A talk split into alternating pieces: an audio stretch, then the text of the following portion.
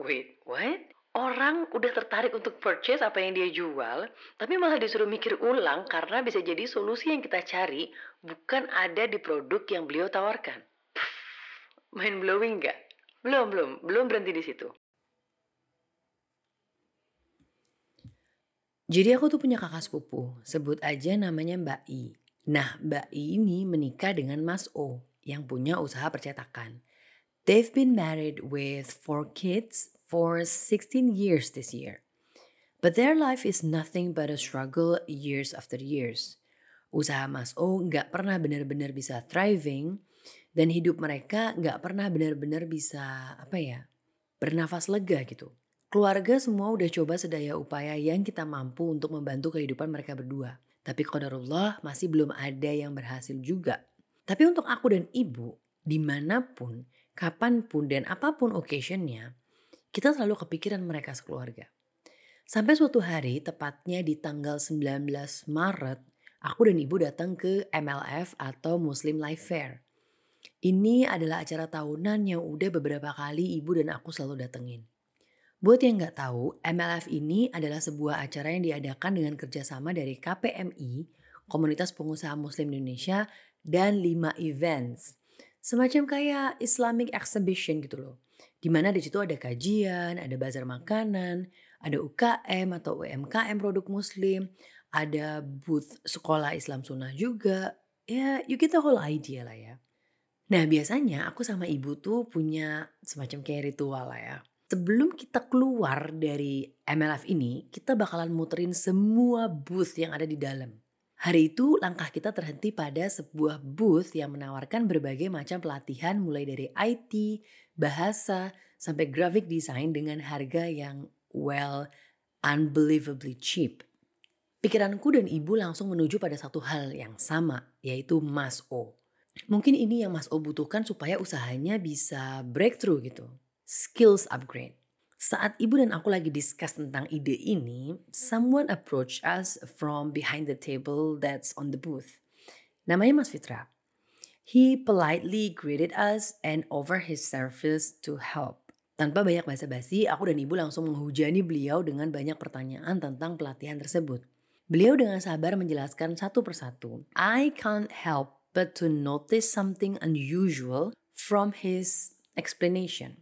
Yang namanya orang menjual produk itu kan mereka akan cenderung untuk ya sedikit pushy gitu ya.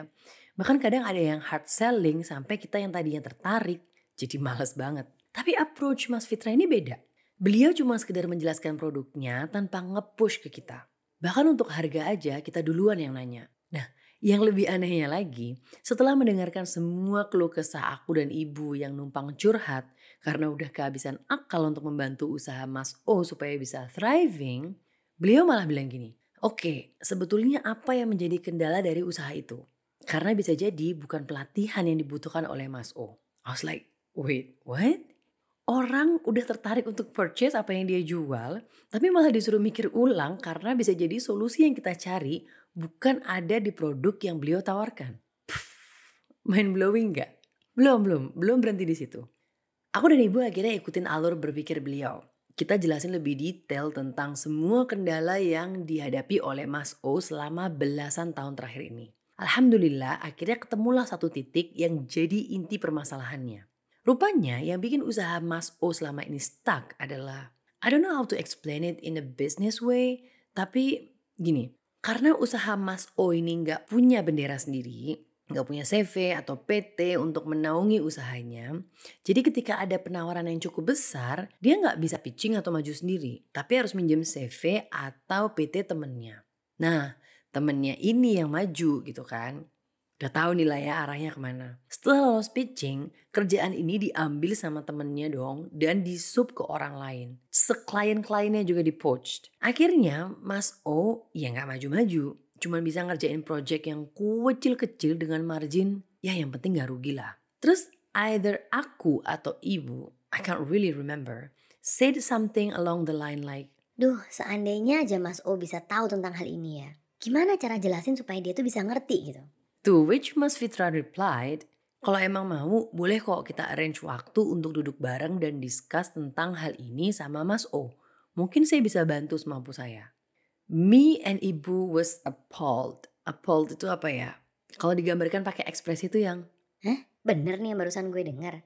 Then he handed me his name card with his phone number in it, obviously, and told me to text him whenever we're ready to talk. We finished our interaction by saying thank you and uh, promised to contact him someday after I talk to Mas O and Mbak I about this opportunity.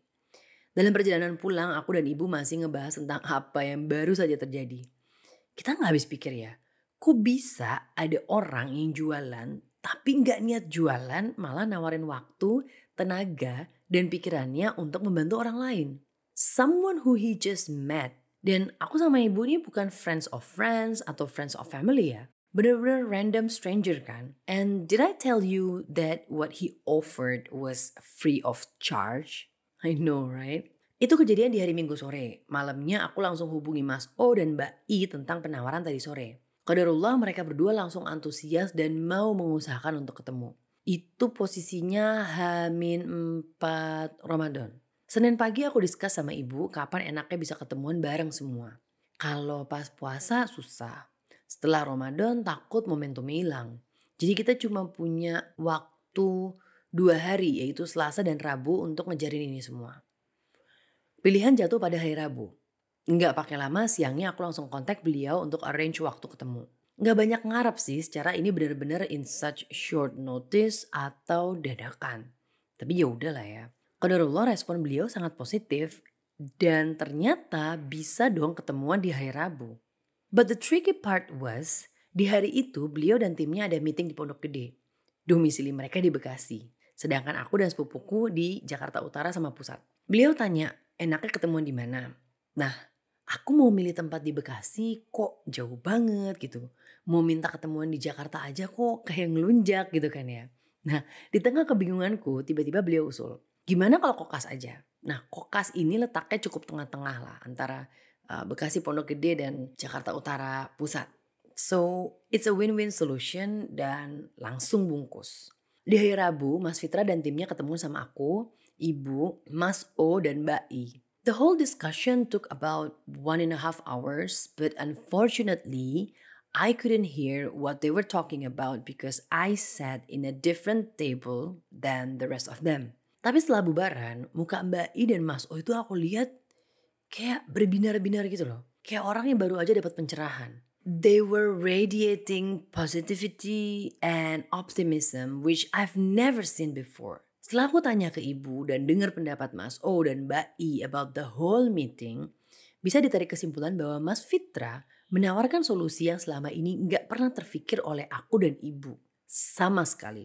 Dan membuat yang tadinya menurut Mas O itu impossible dan jauh banget untuk digapai, jadi sangat-sangat possible, doable, dan bisa dieksekusi dalam waktu yang singkat. Dan beliau ini nggak hanya memberikan advice sama solusi ya, tapi juga apa coba?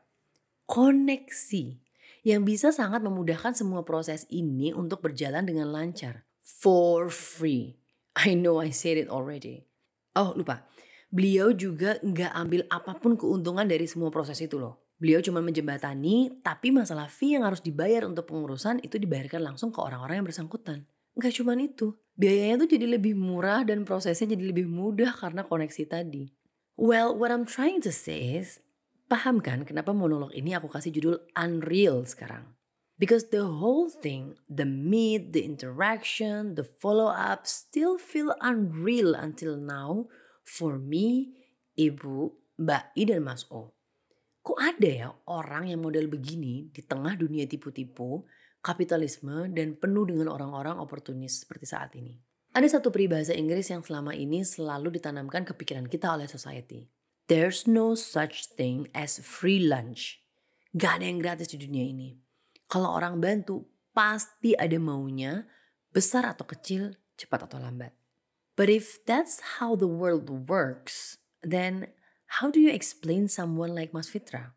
Who bends over backwards just to help me helping my cousin? Mau dipikir sampai bertahun-tahun juga gak akan nemu jawaban dari pertanyaan. Pasti nih orang bantu ada maunya deh. Apa ya kira-kira? Karena ya emang point of view-nya beda. Dan mungkin selama ini aku atau kita kecemplung di lingkungan yang salah. Pernah dengar hadis ini nggak? Nabi Shallallahu Alaihi Wasallam bersabda, Barang siapa yang meringankan, menghilangkan kesulitan seorang muslim dari kesulitan-kesulitan duniawi, maka Allah akan meringankan, menghilangkan baginya kesulitan di akhirat kelak. Barang siapa yang memberikan kemudahan bagi orang yang mengalami kesulitan di dunia, maka Allah akan memudahkan baginya kemudahan urusan di dunia dan akhirat. Hadis riwayat Tirmizi 1853.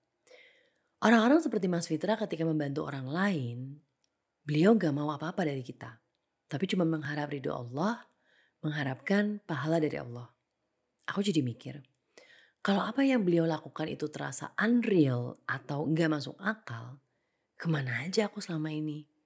Lingkunganku seperti apa? Kok bisa gak pernah ketemu dengan orang seperti beliau? Yuk coba yuk lihat sekeliling kita lagi.